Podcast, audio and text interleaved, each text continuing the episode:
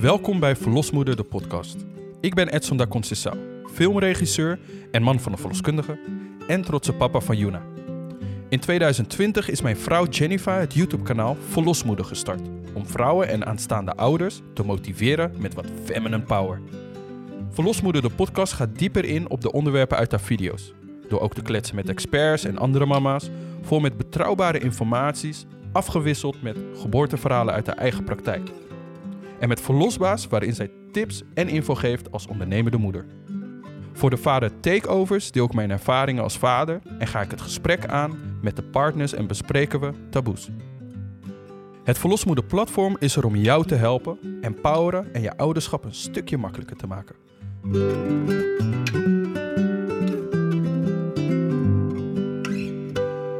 Vandaag een duo-aflevering. Hierin bespreken Jennifer en ik alles over onze ouderschap.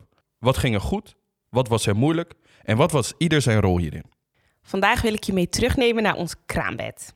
Juna is net geboren en we zaten te rommelen met de carseat, autostoeltje. En we zijn naar huis gegaan en thuis was de opstart van de kraamzorg. Kan jij vertellen hoe jij die eerste uren na die bevalling hebt ervaren?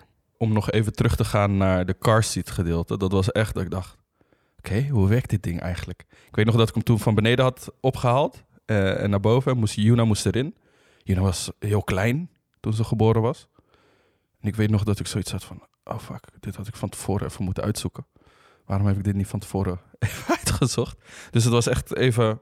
Ik weet nog dat we daar met... We hebben nog een foto ervan. We hebben een foto dat we samen staan te lachen over... We hebben geen idee hoe dit autostoeltje werkt. Ja, en dat was echt knutselen. En uiteindelijk is het gelukt. Maar voor, ja, dat was niet uh, het meest slimste. Uh, ja, en toen zijn we naar huis gegaan. En toen kwam onze kraamverzorgster kwam, kwam erbij. Ik weet nog wel, ja, dat vond ik best wel apart in het begin of zo. De dag begon ook vroeg. Zeker als we het hebben over de eerste dag dat ze officieel in de ochtend begon.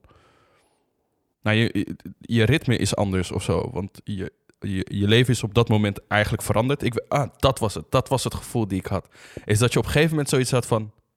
Oké, nu hebben we een extra persoon thuis. Het en dan heb ik het niet alsof over... je samenwoonde met iemand. Nou, en dan heb ik het niet eens over de kraamverzorgster, maar gewoon over Juna. Gewoon dat je dan op een gegeven moment dacht van... Oh ja, nu zijn we met z'n drieën.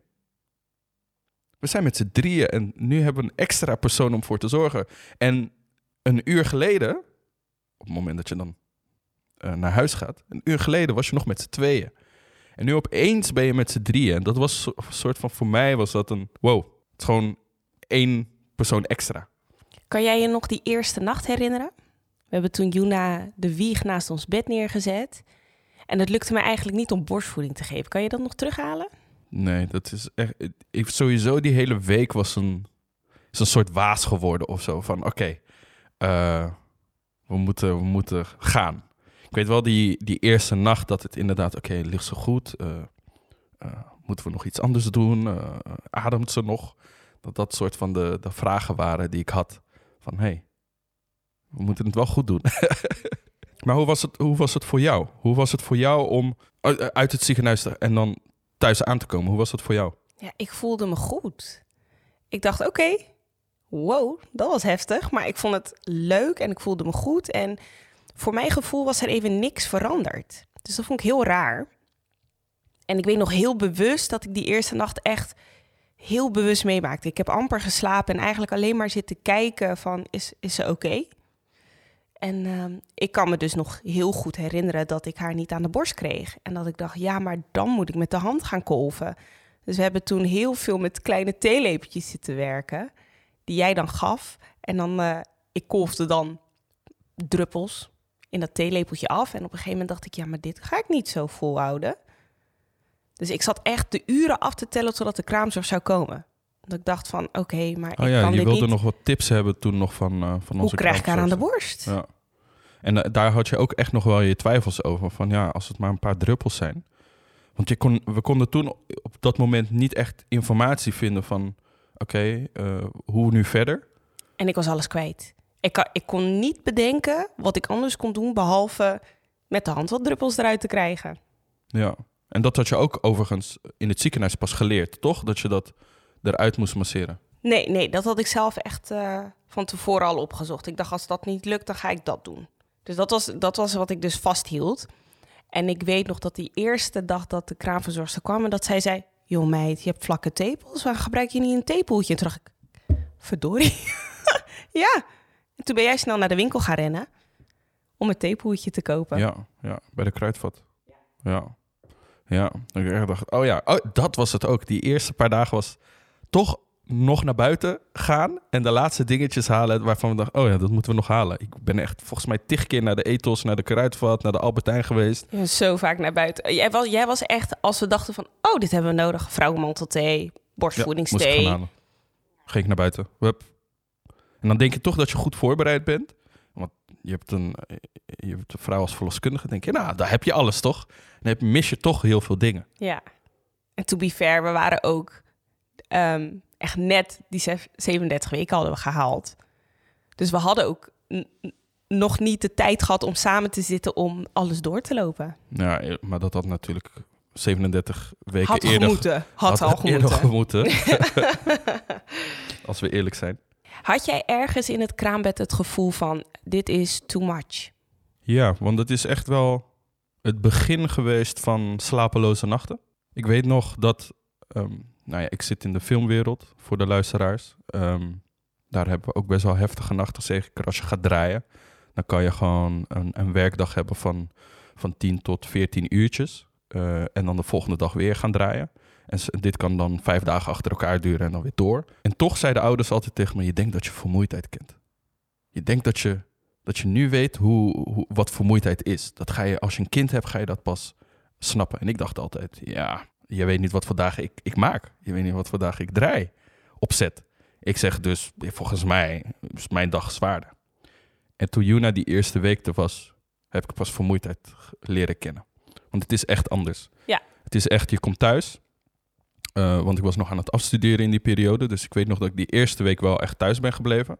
Uh, maar die tweede week ben ik wel naar, uh, naar werk gegaan. Maar het is gewoon waar je normaal gesproken even een, een moment hebt van aan niks denken. Dat je gewoon op de bank kan zitten en gewoon kan uittunen en gewoon zo je kan opladen. Is dat weg? Want elk moment ben je, of je bent aan het slapen, eten maken. Of je bent gewoon bezig met, oké, okay, uh, Juna entertainen. Of je bent... je was in eh, dienst van mij en van Juna. Ja, of van de kraamzorg die hulp nodig had om dingen te halen. Je bent constant bezig. En dat is echt iets wat ik volgens mij heb onderschat ook. Dat je denkt van, oh ja, hoe, hoe ga je als partner hiermee om? Um, ik, moest, ik, moest, ik was ook aan het koken constant. Uh, ik vind koken sowieso wel leuk, dus dat, daar haalde ik ook nog wel mijn energie uit. Maar je, er is geen moment, zeker ook weken na de, de, de kraamperiode, heb je geen rust. En dan heb je ook nog eens de nachten waarin je gewoon, ja, die onderbroken zijn. Want Juna moet om de twee, drie uur gevoed worden. Ik weet nog dat wij heel erg op zoek waren naar een soort ritme. Uh, dat wij dachten van oké, okay, 12 uur moet ze gevoed worden. Dan, maar ze moest om de 2, 3 uur gevoed worden. Of dan werd ze wakker. En dan weet ik dat wij 12 uur met haar opstonden. Of dan was ze wakker, gaven we haar eten. Kolven, de, deden we het hele rattenplan. En na ongeveer anderhalf uur dachten we oké, okay, we zijn nu klaar. Leggen haar in bed. En dan werd ze na een half uur weer wakker. Ja, ik weet nog heel goed dat we op een gegeven moment ook een nacht hadden waarin de kraamverzorgster zei: Weet je, meid, je hebt goed productie, je kan haar aanleggen, probeer alleen die borst. En dat deden we en toen kwam ze elke anderhalf uur. Ja. En we waren allebei zoiets van: Ja, maar dit trekken we niet. Ja, je dan had ik liever gewoon één keer kolven in die drie uur. Ja, je legt daar gewoon net neer en dan wordt ze weer wakker en je, bent kapot. Want je denkt, oké, uh, we kunnen nu eindelijk slapen. En dan sliep ze en dan na een half uur kwam ze weer. Nou, dat trek je gewoon niet. Uiteindelijk hebben we daar een soort ritme in gevonden, wat heel fijn was. Maar dat duurde echt wel. Volgens mij was dat vooral na de kraamperiode. Uh, dat we die ritme. ja, dat we de beslissing hebben genomen van: weet je, ik leg aan de borst als ik dat wil. En als ik moe ben, dan kolf ik gewoon. Ja. En dat was uh, overdag begon ik steeds meer aan de borst te leggen. En s'nachts dan, uh, dan kolfde ik zodat jij kon helpen met, ja de spullen pakken. Want ik vond het ook pittig met echt alleen de borst in de nacht. Dat ik het gevoel had van ja, maar ik moet het nu alleen doen. En met het kolven had, had ik een maatje. Want jij deed dan het een en ik deed dan het ander. Jij gaf het flesje. En ik ging dan tegelijk kolven en dan konden we allebei naar bed. Ik weet dat ik dat heel prettig vond. Ja, en, maar misschien is dat ook wel... Zo'n kraambeek is best oneerlijk of zo. Of het is heerlijk, maar ook oneerlijk. En wat ik daarmee bedoel is wel echt... Je hebt gewoon een extra persoon die meehelpt. Dus die doet de was en die doet, en die doet gewoon elke dag de was. Eh, die, maakt, eh, die doet de afwas. Die zorgt ook voor dat de eten klaar staat. Die zorgt voor de kleine dingetjes die je eigenlijk... waar je niet bij stilstaat. En dan is ze opeens weg. En dan eigenlijk, het is net zo'n rijbewijs, toch? Dus de- je leert pas rijden nadat je je rijbewijs hebt gehaald. En dat is ook met dit. Zij, zij gaat weg en dan is het opeens, oké. En de was moet nog gedaan. Oh, en nu moet je dat, al die kleine dingen die Ja. zij deed. En toen bekroop een beetje de frustratie eigenlijk in de, in de rolverdeling, vond ik. Ja, daar, ik- daar beg- begon je te voelen van, oh ja, hoe, hoe zit dit in Ja. elkaar? Ja, want ik, ik nam uit mezelf de rol op die de kraamverzorgster had. Dus. Ja, En- jij was als een psycho gewoon eh, Ja. ontzettend veel wasjes aan het draaien. Ja, ze had me zo een fijn ritme geleerd van... weet je meid, als je alles ochtends doet... dan ben je 11 uur ben je klaar. En dan kan je slapen en dan is de rest van de dag... kan je doen wat je wil en dan is het gewoon chill. Dan hoef je alleen maar te zijn. Dus dat was voor mij echt gewoon de houvast die ik had. Ik, ik stond ochtends om 6 uur op... en dan ging ik de keuken opruimen... dan ging ik een wasje draaien... ging kolven... en dan werd Juna wakker... en dan begon de dag verder. Ja, ik was daar niet hoor. Ik, ik was daar gewoon. Ik, ik, ik studeerde sowieso nog af in die periode, maar ik dacht, ik weet niet hoe je dat, dit, dit doet. Ochtends opstaan en dit allemaal eh, even achter elkaar knalt. Ik, zei, ik kom met mijn slaperige hoofd, eh, ik moet weg. Eh, ik, moet naar, ik moet naar Amsterdam. Maar dat, dat vond ik een heftige periode. Of dat, ik, tenminste, niet zozeer heftig, maar ik vond het bijzonder dat, dat jij soort van aanging daarop. En ook als je dat niet deed, had je het gevoel alsof je mislukte. Ja, als Juna eerder wakker werd, dacht ik, fuck. Nu heb ik geen, eh, geen tijd om dat te doen. En ik had zoiets van, ja, maar dat wil ik klaar hebben. En dat lukt niet. Dat lukte soms niet. Hoe was voor jouw gevoel, eh, en dan vooral na de kraamperiode, de, de rolverdeling? Voor jou, hoe, hoe zag dat er voor jou uit? Ik denk dat in mijn verlof ehm, vond ik die rolverdeling prima. Als in, ik vond het prima om te keutelen in de keuken. En eh, jij kookte, echt altijd. Ik hoefde niks voor het avondeten te doen. Jij zorgde dat dat allemaal geregeld was. En ik hoefde eigenlijk alleen voor Juna te zorgen. En ik kon lekker lunchen met vriendinnen en gewoon leuk doen. Dus ik had het eigenlijk echt oprecht wel naar mijn zin. Maar waar de frustratie denk ik inkroop was de nachten. Dat ik toen zoiets had van... Ik dacht echt, ja Mattie, ik ben al heel de dag aan het voeden. Nu moet jij me helpen. Ik wilde heel, heel graag dat jij haar dan neerlegde... of dat jij dan de flesjes spoelde. En ik weet dat die vermoeidheid, die sloeg bij jou echt als een hamer in. Zeker na die eerste week. Dat je gewoon af en toe dacht van... kan je niet zelf de flesjes spoelen? Ja, want jij vroeg, ik weet nog wel dat je dan vroeg inderdaad om... Je maakte me wakker om flesjes te spoelen. En ik dacht echt, maar je bent haar toch aan het voeden, dan kan je toch die flesjes spoelen. En die flesjes spoelen zijn letterlijk binnen een minuut is dat gedaan. Waarom, vraag je, waarom maak je mij wakker om die flesjes te spoelen die in een minuut zijn gedaan? En ik snapte dat gewoon niet, omdat ik zoiets had van, het is zo gedaan en jij bent al wakker. Waarom doe je het niet gelijk achteraan? Ja. Kan, kan je nu achteraf begrijpen waarom dat voor mij net weer die druppel was van... ah, dat nog iets te doen? ik snap, ik snap het wel waar dat vandaan komt. Het voelde nog steeds oneerlijk, omdat ik zoiets had van, ja, maar ik slaap. Maar, we, maar dat heeft ook te maken met, jouw frustratie begon al een stapje eerder. Ja. Dat begon al op het moment dat Jona begon te huilen. Ja. En ik soms wakker werd en ik dacht echt, hè, waarom staat Ja zo boos op? Waarom Ja. is ze zo gefrustreerd? Dat was een periode van twee weken. Ja. Twee ik weekjes dacht, lang. Waarom, waarom, waarom ben je zo boos? En je stond echt met een soort... Bijna eh, eh, een, een, een statement stond je op. Zo gewoon die, die, de deken, zo Deken over- omslaan. Omslaan zo, maar best wel hard. En dan net iets te hard Ja. lopen en dan loop. En ik dacht echt... En ik werd wakker en ik dacht... Hè? Oh, Juna huilt ook? Voor de luisteraars, wat er vooraf ging aan dat Edson wakker werd... was dat Juna al tien minuten zat te jengelen en al een beetje zat te huilen. Dus ik zat al tien minuten te wachten totdat Edson besloot om op te staan. Ja, ik hoorde dat ik. niet. Ik hoorde dat niet. En dat is volgens mij echt pas na, wat we na twee weken pas hebben Ja, van toen we elkaar. het pas uitspraken. Toen ik uitsprak van... hey babe, ik vind het eigenlijk super irritant... dat ik je wakker... of eh, dat je negeert... Ja, dat, dat, dat je vooral. Juna negeert... en mij laat opstaan. Dat je wacht totdat ik maar opsta. Dat was het, dat was het duidelijke gevoel. Je wacht totdat ik opsta. Ik zeg, jij geeft niet eens de tijd dat ik opsta, want jij staat altijd meteen op. En jij zegt, nee, ze, staat al, ze is dan al tien minuten aan het huilen. Tien minuten? Ik zeg, ik hoor letterlijk het Niet moment hard dat jij... huilen, maar echt dat jengelen. En Ja. pas als ze hard huilt, dan word jij wakker.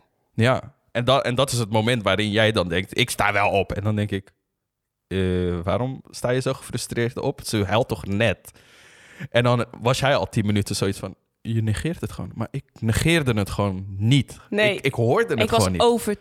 Dat jij dacht, als ik gewoon mijn ogen stijf dicht hou, dat, dat ja dan wel opstaat. Dat ik, pas volgens mij nadat we dit hadden uitgesproken, dacht ik...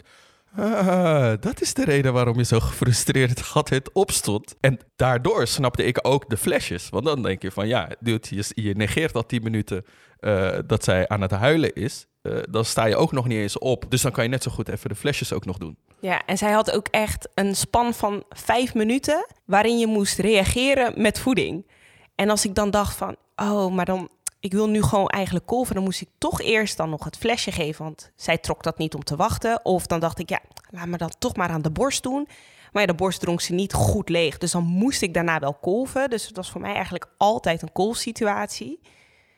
En dan dacht ik van, oké, nou nu ben ik eindelijk klaar. En dat was voor mij meestal drie kwartier verder half uur tot drie kwartier verder. En dan dacht ik, nou, dan kan Edson spoelen en dan kan ik gewoon terug het bed in. Ja, ja nee, dat was echt wel... eh, jij moest sowieso al opstaan om te kolven, inderdaad. Ja. Dat weet ik nog wel. En volgens mij hebben we daar pas na... Volgens mij een goede drie weken of zo... hebben we daar pas een ritme in kunnen vinden. Dat, oh ja, als jij opstaat om te gaan kolven... geef ik Juna eten.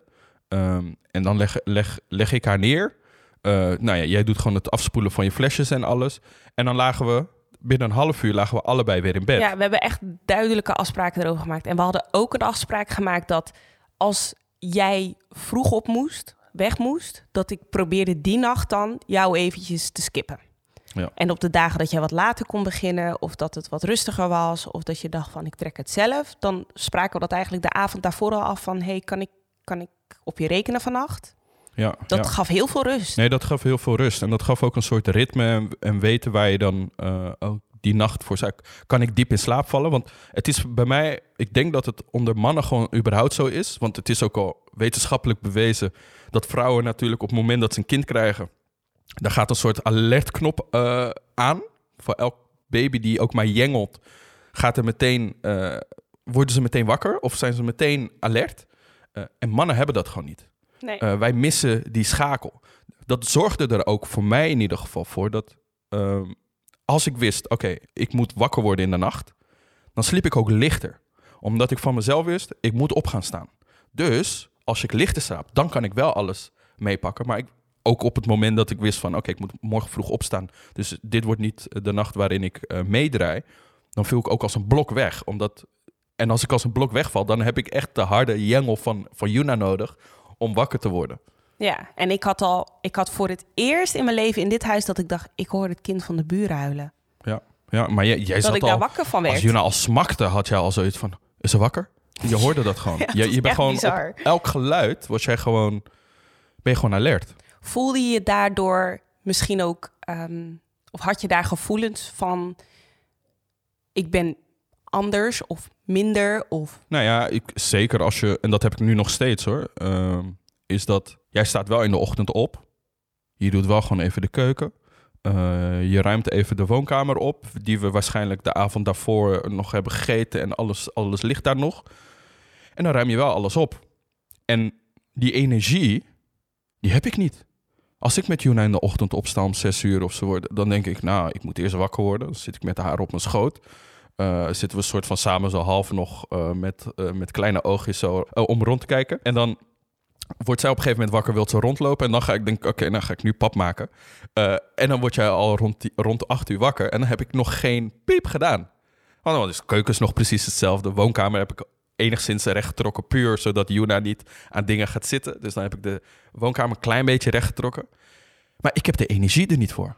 Dat had ik toen niet, heb ik nu nog steeds niet. En ik merk gewoon dat bij vrouwen, in ieder geval bij jou, dat er een soort tweede batterij aangaat. Ja, maar dat was ook alleen maar overdag. Want s'avonds ging dat bij mij uit. Ik was om acht uur, negen uur was ik klaar. was klaar met de dag. En ik weet dat het, dat, dat mogelijk ook wel tot, tot frustraties misschien naar jou toe heeft geleid omdat ik s'avonds niet meer gezellig met jou mee deed. Ja, na acht, acht uur, wanneer Juna lag, had ik niks aan jou. Maar dat, dat is misschien ook wel de rolverdeling geweest uh, die we uiteindelijk kregen. Is als Juna in de avond wakker wordt, plus nacht, uh, en ik had niks staan de volgende dag, dan pakte ik die. Ik vond het niet erg, ik ben een nachtpersoon. En jij bent de ochtendpersoon. Maar ik ben een nachtpersoon, dus ik heb zoiets van... ja, als je nou om, om 12, 1 uur of 2 uur wakker wordt... Ja, dan deed jij er in de dan draagzak. Deed ik er, deed ik haar in de draagzak. En dan was ik gewoon tot een uurtje of drie, vier soms wakker met haar... Uh, totdat ze in slaap viel. Uh, en daar had ik minder moeite mee. Ik, had, ik heb veel meer moeite met het... Uh, als hij wakker wordt... In de ochtend. In de ochtend. Daar, daar, daar ik, ik trek dat dan niet. Ik had heel duidelijk dat we op een gegeven moment afspraken van... en uitspraken van... hé, hey, luister dan, hier ben ik goed in dit trek ik makkelijk. Maar dat trek ik totaal niet. En ik weet niet, ik ben iemand die houdt van koken. Maar dat, ik trok dat gewoon niet meer. Om dan ook nog s'avonds een, een avondmaaltijd neer te zetten. En ik weet dat jij op een gegeven moment zei: Je doet al zoveel. Dit is genoeg. Laat mij dit, laat mij dit stukje doen. Ja, want ik. ik maar ik, misschien is dat wel een soort. Ik voelde me schuldig ik voelde me schuldig dat ik jou niet, dat ik niet die energie had om, om, om dat te doen. En, en vaak was het natuurlijk, zet je er gewoon toe. Maar ik was echt kapot. Fysiek was ik gewoon kapot. En ook om weer terug te komen op de quote die ouders altijd vertelden van... Ja, je, gaat, je gaat vermoeidheid ga je echt als je een kind hebt pas uh, leren kennen. Dat heb ik echt geweten ook. Dus dat vond ik best lastig. En ik had zoiets van, uh, wat ik nog fijn vind om te doen... of waar ik nog energie uit haal, laat mij dat doen. Laat mij koken. Ik zeg, ik vind het niet erg. Ik heb volgens mij echt gewoon wekenlang uh, gewoon loop ik op verschillende gerechten. Vraag wat wil, wat wil je eten? Wil je Waar heb je zin in? Ja, en, en gewoon gaan maken. En, want ik haalde daar nog een soort van voldoening uit van... oké, ik doe tenminste iets. ik, ik, ik, ik, kook tenminste nog. Uh, in plaats van dat ik thuis kom en dan... Pff, nou, ik ben er klaar mee hoor met deze dag. Hoe heb jij dat ervaren? Heb jij uh, dat, dat moment zeker van... van die rolverdeling, hoe heb jij dat ervaren? Ik denk dat ik het deels positief en deels negatief ervaarde. Positief als in, het was goed om een rol te hebben waarvan je dacht van nou, dit kan ik. En dat het punt waar je zelf dacht van nou, maar dit, dit vind ik heel erg moeilijk, dat, dat dan de ander daarin inspringt. Maar wat ik wel lastig begon te vinden, zeker in dat eerste jaar, is dat je heel snel uit elkaar. Ja, je was niet meer zoveel samen. Want ik pakte de ochtenden en dan jij pakte de avonden, omdat ik dan weer ging slapen en te moe was. Dus je leefde echt gewoon even een tijdje een beetje langs elkaar heen. En op een gegeven moment hebben we dat ook uitgesproken en gezegd. Van hé, hey, ik denk dat we een date night erin moeten zetten, want ik mis je. Ja, voor de luisteraar, wij, wij, wij hebben twee echt onregelmatige uh, uh, roosters als het, neerkomt, uh, als het neerkomt op ons werk. Um, en wat wij dan vaak deden, is dan maakten we gewoon een afspraak met elkaar van... hey, die dag doen we date night. En dan gingen we altijd naar restaurant en dan gingen we altijd uitgebreid eten. We hebben zelfs in mijn verlof nog gedaan. En in verlof hebben we dat ook gedaan. En, we, en, en dat deden we altijd. Alleen nu uh, zat jij met verlof thuis en ik was aan het werk. En dan kwam ik thuis en dan dacht ik, ja, ik ben kapot. En dan vaak had jij zoiets van, ja, ik, ben, uh, ik heb de hele, nacht, de hele dag Juna uh, gehad. Ik ben ook kapot. Neem jij Juna maar over. En dan denk ik, ik heb een hele dag gewerkt en dan kom ik ook nog thuis. Dan moet ik ook nog voeding en dan moet ik dit en dan moet ik luieren en dan moet ik zus en dan moet ik zo. En dat voelde zo ook scheef of zo ergens. Terwijl ik het ook wel snapte van, ja, ik snap ook dat je, als je de hele dag een uurtje hebt geslapen of om de zoveel tijd een, een, een dutje kan pakken. Dat voelde ergens oneerlijk, maar ik snapte hem wel. En dan ben je gewoon kapot. En dan heb je een moment nodig met elkaar uh, om even terug te pakken. Van, om even te zijn. Om even met elkaar te zijn. Uh, en dat moet je gewoon, ja, klinkt zo zakelijk, maar dat moet je wel ergens inplannen of zo. Of dat, dat, dat moet je gewoon zorgen dat je daar duidelijke afspraken over maakt. Van oké, okay, uh, er is een, nu, we hebben een kind gekregen. die vraagt ontzettend veel aandacht en veel tijd. waar is de me-time? Want Mensen zeggen altijd je relatie, die, het is niet alsof onze relatie op het spel stond, maar ze zeggen je relatie wordt getest op het moment dat je of op vakantie gaat, of dat je gaat verhuizen, uh, of dat je voor het eerst gaat samenwonen. Geloof me, dat is echt als je een kind krijgt. En dat is echt het moment dat je dan met elkaar moet, erover moet gaan hebben, hele duidelijke afspraken moet maken. Oké, hoe ga jij dit doen? Hoe ben ik als persoon? Hoe ga ik dit doen? Eh, en wat vind jij fijn, wat vind ik fijn? Laten we dat dan met elkaar verdelen. Ja, en ik weet dat hoe je terugkijkt op deze periode, dat alles valt en staat met het uiten van die frustratie en het uiten van dat gevoel. Het duurde mij twee weken om te uiten. Jongen, ik vind je irritant die ochtenden. Of dat jij, ik weet niet eens meer of het uit mezelf kwam, maar volgens mij kwam het meer vanuit jou van, why are you mad? Ja, ik snapte jouw frustratie. Gewoon Nee. echt niet. Nee. En pas als je het uitspreekt, en ik merk ook met andere stellen, is dat zij dat vaak niet uitspreken. Dan gaan ze natuurlijk naar de beste vriendin of de beste vriend. eh, eh, en dan gaan ze het erover hebben. Maar je moet het echt met elkaar daarover Ja. hebben. Van wat, waar irriteer je je aan? Want, Ja. want die, van die muis wordt het uiteindelijk een olifant. En dat merkten we na die twee weken. Toen je pas het durfde te vertellen. Het, het, het escaleerde, het gewoon ruzie. Gewoon elk, het was een kort lontje en het was al meteen, het was meteen ruzie. En ik, ik denk, ja, waar, waar komt dit vandaan? Ik snapte het gewoon niet. En toen je uitsprak, ja, en jij doet alsof je, alsof je slaapt. En dan eh, doe je, hou je gewoon je ogen stijf op elkaar. En dan moet ik opstaan, want dat doe je. Dan denk ik, Nu voelt het wow. echt heel stom. Als ik zo terugdenk, denk ik echt, girl. Dan denk ik echt, wow, dat heb ik, wow, dat zou ik toch niet expres doen. Ja. Ik weet dat ik jou ook wel een aantal keer echt verdrietig heb gezien. Met het idee van, jij doet, jij doet dat allemaal. Ja. En ik, ik kan dat niet doen. eh Juna vond het, vond het heel fijn om bij jou te zijn. Dus ik merkte dat bijvoorbeeld met eh, de draagzak. eh, eh, dat, dat wanneer je Juna erin had gedaan, dan viel ze gewoon in slaap. En bij mij werkte het niet. Het lukte het niet. Dus ik had zoiets van, "Wa- waarom lukt het bij jou wel en niet bij mij? Ehm, waardoor Juna ging ook krijsen bij mij. Ik, ik weet niet waarom. Ik ben sowieso een wandelende kachel. Dus ik ben extra warm. Het was middenzomer ook, dus ik, ik, ik denk dat vooral Juna zoiets had van... ik wil hier niet, ik wil niet tegen deze kachel aan, aan liggen. Maar ik, ik voelde me daardoor wel dat ik dacht van... oh, oké, dit is iets wat ik dus niet met Juna kan doen... want dit vindt ze niet fijn bij mij. Waardoor ze wel bij jou in slaap kon vallen en wel gewoon... eh, ik kreeg dat, ik, dat lukte mij niet. Ik weet dat jij ook op een gegeven moment... Ik was ook eh, Captain Sevaho soms. Dat ik dacht, ik doe het wel. Ik Ja. pak het wel. Ja. En dat jij op een gegeven moment zei, nee. Ja, dat was nee, het moment... bij mij ook. Dat was het moment dat zij, dat zij eh, eh, aan het krijsen was bij mij. Ehm, en jij zoiets had van, ik pak haar wel. En ze werd rustig. En toen zeg ik, kijk, hier moeten we iets tegen doen. En toen zei je, nee, ze, is gewoon, ze vindt het gewoon fijn in, eh, hoe ik haar vasthoud. Want volgens mij hou je haar verkeerd. Ik zeg, nee, nee, nee. heeft te maken met dat ze fijn vindt bij jou, maar niet bij mij. Toen pakte ik haar, begon ze meteen met krijsen.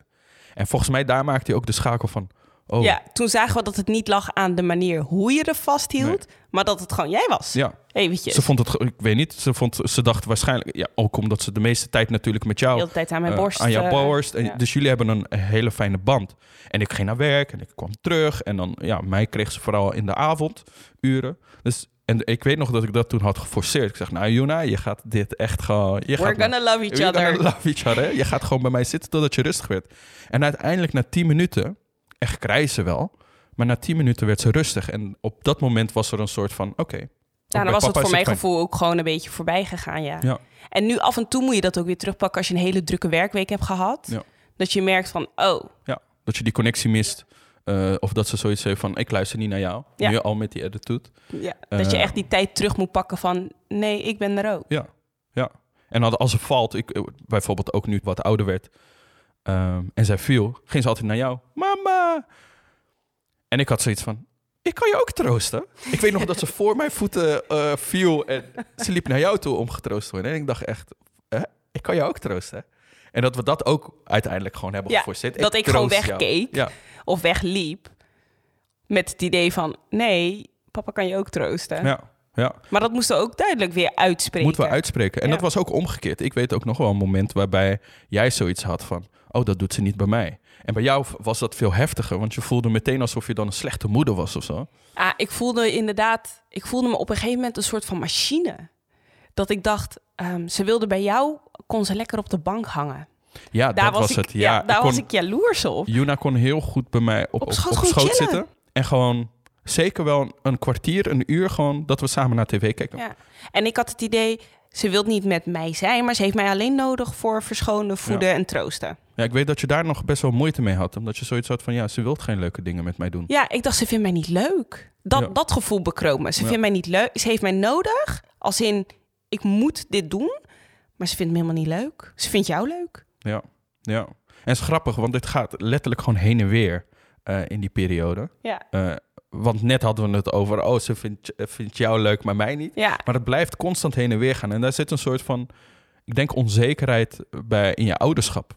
Eh, en, en ik denk dat mannen daar het minst over, over, over durven te communiceren.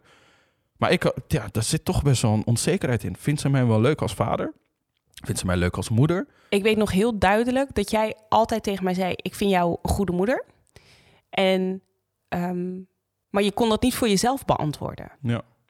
Ja, ik, ik weet wel waar dat vandaan komt natuurlijk. Ik ben niet opgegroeid met mijn, of een liefhebbende vader die daar altijd voor me was. Ehm, dat ik natuurlijk dat gevoel ook had van, oké, ben ik een, ben ik wel goed genoeg? Ik heb dat gevoel soms nog steeds, dat ik denk van, ben ik wel goed genoeg als vader? Ehm, en dat zit hem soms ook wel in de manier dat je opstaat en je, en fixt het huis en dan ben je ook nog met Juna. Ik merk het ook nu in deze periode, is als hij een mama-dag heeft met je, dan ga je naar buiten en dan doen jullie alles. En dan gaan jullie allemaal leuke spelletjes en dan verzin je allemaal leuke dingen. En als ik papa vaderdag heb, dan ben ik, denk oh, ik heb een hele drukke week gehad. Ehm, nou ja, ik ga even, ik, ik doe hoogstens, ik doe wel leuk met haar. Maar ik ga niet, ik ben niet spelletjes aan het verzinnen of zo. Of eh, naar buiten gaan is voor mij een extra ding. Ik ben sowieso een kluizenaar. Of kluizenaar is een groot woord, maar ik zit liever, ik, ik hou van lekker in huis zitten. Ehm, dus ik heb zoiets van, oh ja, met Juna vind ik dit ook leuk. Dus dan zitten wij gewoon hier. Ik geef haar gewoon eten. Ik, geef haar, ik doe wel alles. Maar ergens heb ik het gevoel van, ja, maar ik doe niet genoeg. Ehm, en natuurlijk is het makkelijk om dan, hè, zeker als je het uitspreekt van, ja, ik ga met haar naar buiten en ik ga met haar dit doen. Maar dat voelt als een enorme drempel. Ehm, waardoor als dat zo voelt en ik al, het al een enorme drempel vind, denk ik, maar dan ben ik geen goede vader.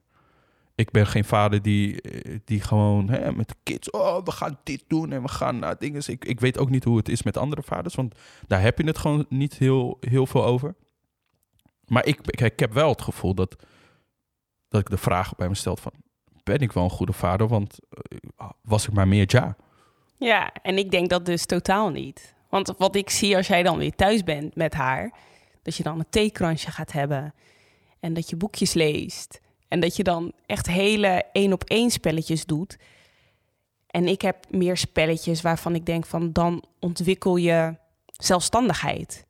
Maar dat doet ze alleen, Ja. niet echt zozeer met mij. Dus dan, als ik jou zo zie met haar, dan ben ik jaloers op de band soms die jij met haar hebt omdat ze het gewoon leuk vindt om met jou dingetjes te doen. En ze gaat dan echt met je kletsen en dan gewoon Ja. dingetjes aan je aangeven.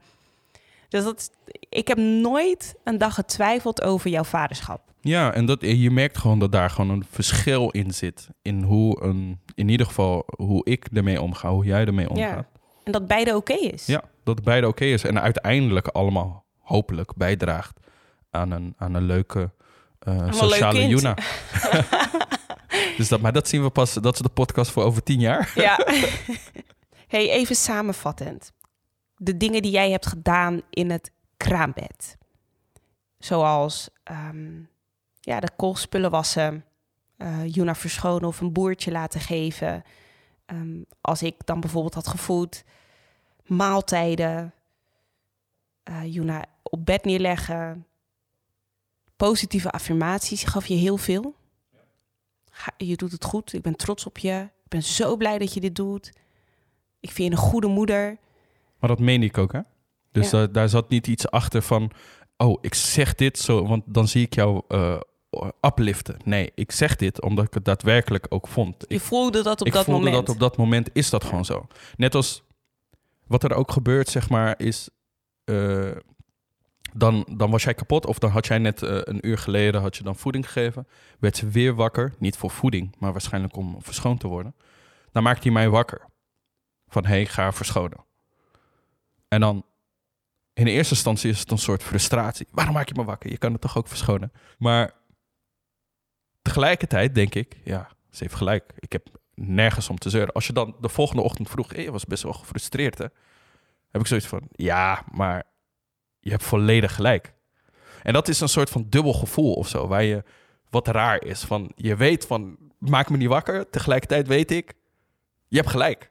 Want er is niemand die, ik moet het nu doen. Ik denk dat dat de struggle van het eerste jaar sowieso is Nog geweest. steeds. Nog Volgens steeds. mij is dat Ja, nog steeds nee, zo. nog steeds. Dat, Dat je jij zegt van, bent. ik weet dat je gelijk hebt, maar Ja. ik vind het irritant, want ja, ik heb er geen zin in. Ik heb er geen zin in. Ja. En het gekke is, daarvoor kon je gewoon zeggen van bijvoorbeeld met de was. Hé joh, laat, eh, laat die was maar lekker een week staan. Maar ja, nu moet je je kind aankleden. En dan merk je gewoon dat de rompertjes eh, die ze, waarvan ze vijf eh, op een dag hebben, heeft ondergescheten. Dat die er gewoon, dat, Doorheen dat, die, dat je door, snel doorheen bent. En dan denk je, ja, ik moet toch die was doen. En dan zeg ik, kan je wasje doen? En dan denk ik, ja, ik wil geen wasje doen. Jij doet toch altijd wasje? En dan denk ik, ja, maar ja, ze heeft wel gelijk. Ik doe nooit een wasje. Dus ik kan zeker deze ene keer doen. Dus dat is een soort heel gesprek die je in je hoofd hebt. Eh, waardoor als jij dan ik jou er doorheen zie, eh, of tenminste het gevoel heb van je zit er even doorheen, dan meen ik ook echt wat ik zeg. Je doet het goed. Je bent goed bezig. eh ga door. Je bent een goede moeder. Ja, dat, dat, echt, dat uplifte mij zo enorm. En ik weet met borstvoeding dat ik, nou ja, 180 keer heb geroepen van... ik wil niet meer. Ja. Ik kan dit helemaal Ja. niet. Ja, en ik weet nog, want je, wilde, je was gefocust op die jaar. Je wilde, binnen, je wilde een jaar lang wilde je borstvoeding geven. En ik weet dat je al na een paar maanden zoiets had van... ik trek dit niet. Ik trek dit niet. En ik echt tegen jou zei van... Een paar weekjes. Een paar zo, ja, ja, zie je. Dus dat ik al tegen, dat ik tegen je zei van... als je het niet wil, moet je het niet doen. Ik zeg, je moet het voor niemand... je hoeft dit voor niemand te doen. Je doet dit puur voor jezelf. En als je het door wilt zetten, ben ik daar voor je. Als je het niet door wilt zetten, ben ik daar ook voor je. Ja. Je bent geen slechte moeder. Of je, als, je- als je het eh, twee maanden geeft. Ik zeg, wees blij met elke druppel die je kan geven. En ergens gaf dat juist, jou juist weer de kracht om... ik ja, door. omdat ik dacht van... Ja, maar ik heb het nu al drie weken volgehouden. En ik dacht vorige week ook dat ik het niet aankon. En de druk ging er vanaf van, je moet het. Ja, Je moet Het Want niet. ik wilde jou ook niet falen, omdat we hadden heel duidelijk gesproken over borstvoeding. En ik weet dat jij ook ja, toch je voorkeur daarna had dat ik borstvoeding zou Ja. geven. Nou ja, ik, en, en je ziet letterlijk eh, eh, wat voor moeite het is om het te doen. Heel veel mensen onderschatten borstvoeding. Ik zeg het ook tegen, eh, tegen andere vrienden. Die dan, ik eh, ook een vriend die gewoon, allemaal, ja, waarom heeft ze, waarom heeft ze niet gewoon borstvoeding gegeven? Ik zei tegen haar dat ze borstvoeding moet geven. Maar als je echt kijkt wat, wat erbij komt kijken, dat is best heftig. Ja. En dan zal een partner daarin moeten investeren. Ja. En, En- daarvoor moest jij nachten opstaan om Ja. alleen maar flesjes te wassen. Te of, om die kleine te, troosten. Ja. Zodat ik dat ook niet erbij had. Ja. Nee, dat is, dat is echt, dat wordt onderschat hoeveel, hoeveel werk borstvoeding is. En zeker als je gaat kolven. eh, met borstvoeding krijg je natuurlijk andere dingen. Eet me, eh, drinkt mijn kind wel genoeg? Dat weet je vaak niet. Helt hij nog een keer de borst en nog een keer de borst. En zo blijf je elke keer opstaan. Kolven heeft weer hele andere dingen. Ja, waar, waar ga je kolven? Eh, eh, zeker als je eh, eh, een, een baan hebt waarvan je eh, in een spreekuur gewoon acht uur gewoon daar zit. Dat moet je ook blijven doen. En dan kom je met flesjes thuis. En die melk moet eigenlijk eh, elke keer eh, opgeslagen worden. Hoe oud is deze? Je moet een soort, bijna een soort administratie bijhouden met eh, melk die je in de vriezer hebt staan. Oké, Wat deze is lader. vers? Wat kan naar de opvang? Wat kan naar de opvang? Ik moet niet vergeten dit mee te nemen. Het mag niet op zo'n temperatuur worden opgewarmd. Het mag niet in de magnetron. Er zijn allemaal dingen die, die, die, die daarbij komen kijken. En En, maar aan de andere kant maakte het soms ook wel weer makkelijk. Ja. Ik weet dat we op vakantie gingen en dat jij dacht, nou, easy, freaking Ja, peasy. ik hoef niks mee te nemen. Ja. Dat was met vliegtuig. Ja, Dat ik we weet dat jij Italië toen toe dacht je echt, nou, ik wat ben ik blij dat jij nog borstvoeding geeft. Dit is genius. Dit is echt geweldig. Want dat was gewoon... Jij zat eh, Ik gewoon... Juna- in het vliegtuig Ja, kolfde in het vliegtuig, gaf Juna dat meteen. Juna heeft letterlijk eh vlucht van drie uurtjes, twee, drie Ja, uurtjes. drie uurtjes. Heeft zij gewoon doorheen geslapen. En ik dacht, als dit vliegen is met een baby, super chill. En een dagje strand dacht je ook... Nou, je hoeft niks gekoeld of wat dan ook mee te niks mee te nemen. nemen. We nemen het kolfapparaat Ja. mee. En een kolf. lege fles. Ja, en dat is. En, en, en het, het komt er ook echt neer op, eh, op investeren. Want jij investeert enorm veel tijd om die borstvoeding, om, om die hoeveelheid omhoog eh, te brengen.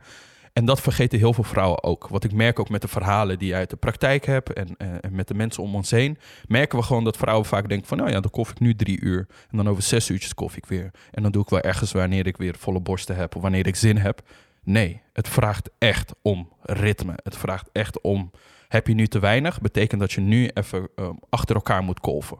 Eh, ehm, eh, en je moet gewoon een vast ritme hebben. Want je lichaam die gaat gewoon aan op... oké, elke drie uur moet ik dus geven. Of elke twee uur. Of het is nu te weinig, dan moet je blijven Ja. kolven... om, om te zorgen dat die hoeveelheid omhoog gaat. ja, en jij zag het ook heel duidelijk als ik ehm, richting, het, richting het einde toe, dat ik dan steeds minder kolfsessies had, dat je dan ook merkte van nee, je productie, hey, zo ga je het niet redden hè, met een flesje. Is prima, maar dan je weet dat als je meer wil, dat je meer moet gaan kolven. Ja. En ergens was die switch bij mij dat ik dacht, ja, maar ik wil niet meer. Ik, wil, ik vond die twee keer per dag vond ik al heel veel. Ja, ja, ja, ja. Nou, je bent van, wat is het, zes keer per dag? keer per dag. Zes keer per dag afgebouwd naar vijf. Nou, je, je productie, ik weet nog dat de ene borst meer gaf dan de ander.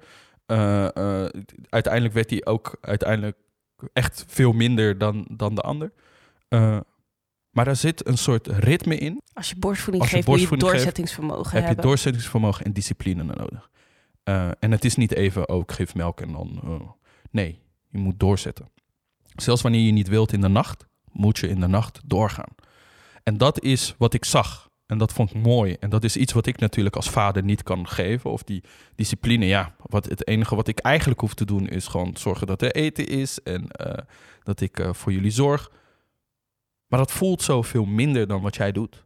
En zoveel minder energie eh, wat ik erin stop. Terwijl als je al vraagt om een, om een wasje te doen, denk ik, oh, daar heb ik echt geen zin in. Ja, en daar, daar lag natuurlijk gewoon frustratie. Ja, en daar zit een soort disbalans natuurlijk in. Want de vrouw heeft uiteindelijk toch wel eh, meer dingen Ja. om, om te doen voor het Ja, kind. Dan en dat uiteindelijk moest ik dat ook accepteren. Dat ik dacht, ja, maar jij kan dit niet. Dit is niet een keuze. Nee. Dit is niet een keuze. Jij, jij kan niet. Ja, ik weet echt nog dat je, dat je echt uitsprak. En jij met je waardeloze tepels.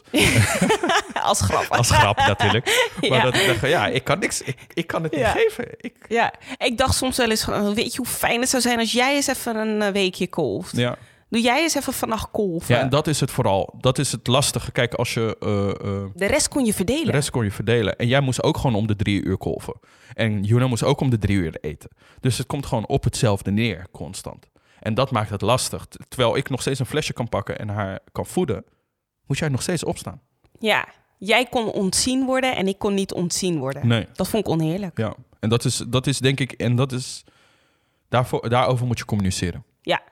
Hoe kan je dat gevoel naar beneden krijgen? Dus moet je andere dingen meer oppakken als ouder, eh, als partner. Eh, wat kan je doen om, om dat, te, dat te verlichten? Heb jij nog tips voor aanstaande ouders, partners? Als het gaat over het gevoel van machteloosheid en incapabel zijn in die kraamperiode.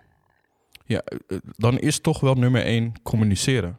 Communiceer met elkaar, want eh, eh, ik merk gewoon dat je vaak niet de tijd neemt om met elkaar er, het erover te hebben. Je ziet misschien wel frustratie bij elkaar. Je merkt dat ieder een kort lontje heeft, omdat de nachten zo kort zijn. Maar op het moment dat je gaat communiceren en je gewoon een goed gesprek hebt met elkaar, dan kom je er vaak achter dat de oplossing heel simpel is. Ik wil eigenlijk dat je gewoon de flesjes eh, spoelt. Oh, is dat het enige wat je wil? Ja, want dan, dat voelt al gewoon te veel, al voor mij. Oké, dat is één minuut werk. Ja, maakt mij niet uit. Maar als je dat doet voor me, dan voelt dat heel fijn. Uh, Oké, dat doe ik wel. En vaak zijn die oplossingen heel simpel, maar als je niet communiceert, wordt alles heel groot. Dus ik, ik, ik zou dat eigenlijk als nummer één tip meegeven. Communiceer met elkaar. En durf ook, eh, misschien nummer, eh, tip twee is, plan ook wat tijd voor elkaar in. Zeker als je dat ervoor voor je kind heel vaak deed, moet je dat nu ook gewoon gaan inplannen. Ja, en het hoeft misschien inderdaad niet die eerste weken wanneer je alles gewoon probeert überhaupt op een rijtje te krijgen. Maar als de rust een beetje is wedergekeerd, dat je denkt, oké, we hebben nu een ritme, Laten we iets gaan doen. laten we dan wat gaan plannen. Ja. Heb jij nog tips?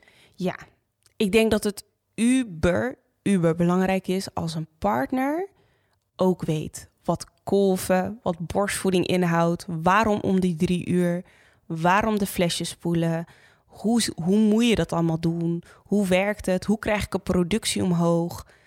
Ik denk dat het super belangrijk is dat een partner net zoveel weet als dat jij als moeder dat weet, want dan kan je aanvullen.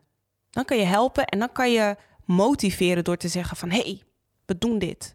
Ja, puur omdat je dan weet hoeveel werk erin zit ook, toch? Dus dat ja. is het moment dat je dat van elkaar ziet. oh, dit, dit, dit- dit is niet zomaar even. Nee, Ja. daar, daar gaat heel veel tijd in. Jij wist heel erg de belang van die frequentie, regelmaat Ja. en de nacht. Nou, het was let. Je kon het meten. Als je één keer het skipte, was de tweede keer kolven was gewoon een stuk minder. Was gewoon een derde minder. En dan, dat zag ik gewoon. Dan denk ik, oh nee, ja, je moet echt om de drie. niet het dat is niet eerste een flesje, maar echt die, die, Die- die tweede, ja. derde. Die derde vaak. Dus Ja. als je, laten we zeggen, je, moest, eh, je ging drie keer kolven. De eerste keer kolfde je gewoon. De tweede keer deed je dat niet. Was de derde keer een soort van boost omhoog. Dat was echt opeens heel veel. En die vierde was gelijk minder. En dan is de vijfde nog minder. En dan merk je van, oh, en dan moet je weer clusterkolven om weer te zorgen dat hij op niveau komt. Dat jij weet wat dat allemaal inhoudt. Ik denk dat dat dus mijn gouden tip is voor partners. Kijk die borstvoedingsfilmpjes mee. Kijk die koolfilmpjes mee. Ga mee naar zo'n online voorlichtingavond over borstvoeding. Leer erover, want dan leer je het belang. Je leert ook wat er van iemand wordt gevraagd. En je leert waar kan je in ondersteunen. Ja. Ja, ja, ja, ja. en dat, dat moet je echt niet alleen overlaten aan de vrouw. Ehm, Dat is een recipe for failure, Ja, denk ik. ja. Ik denk dat ik al lang al bij maand twee of drie was gestopt als ik jou niet had in de ondersteuning. Ik hoop dat je wat hebt gehad aan deze aflevering. Zorg dat je niks mist en abonneer op dit podcastkanaal. Vond je het een behulpzame aflevering? Laat dan even een review achter. Hou ook de Instagram en YouTube van Verlosmoeder in de gaten voor nog meer handige tips en info. En ik hoop dat je volgende week weer gezellig meeluistert met een nieuwe aflevering. Tchau.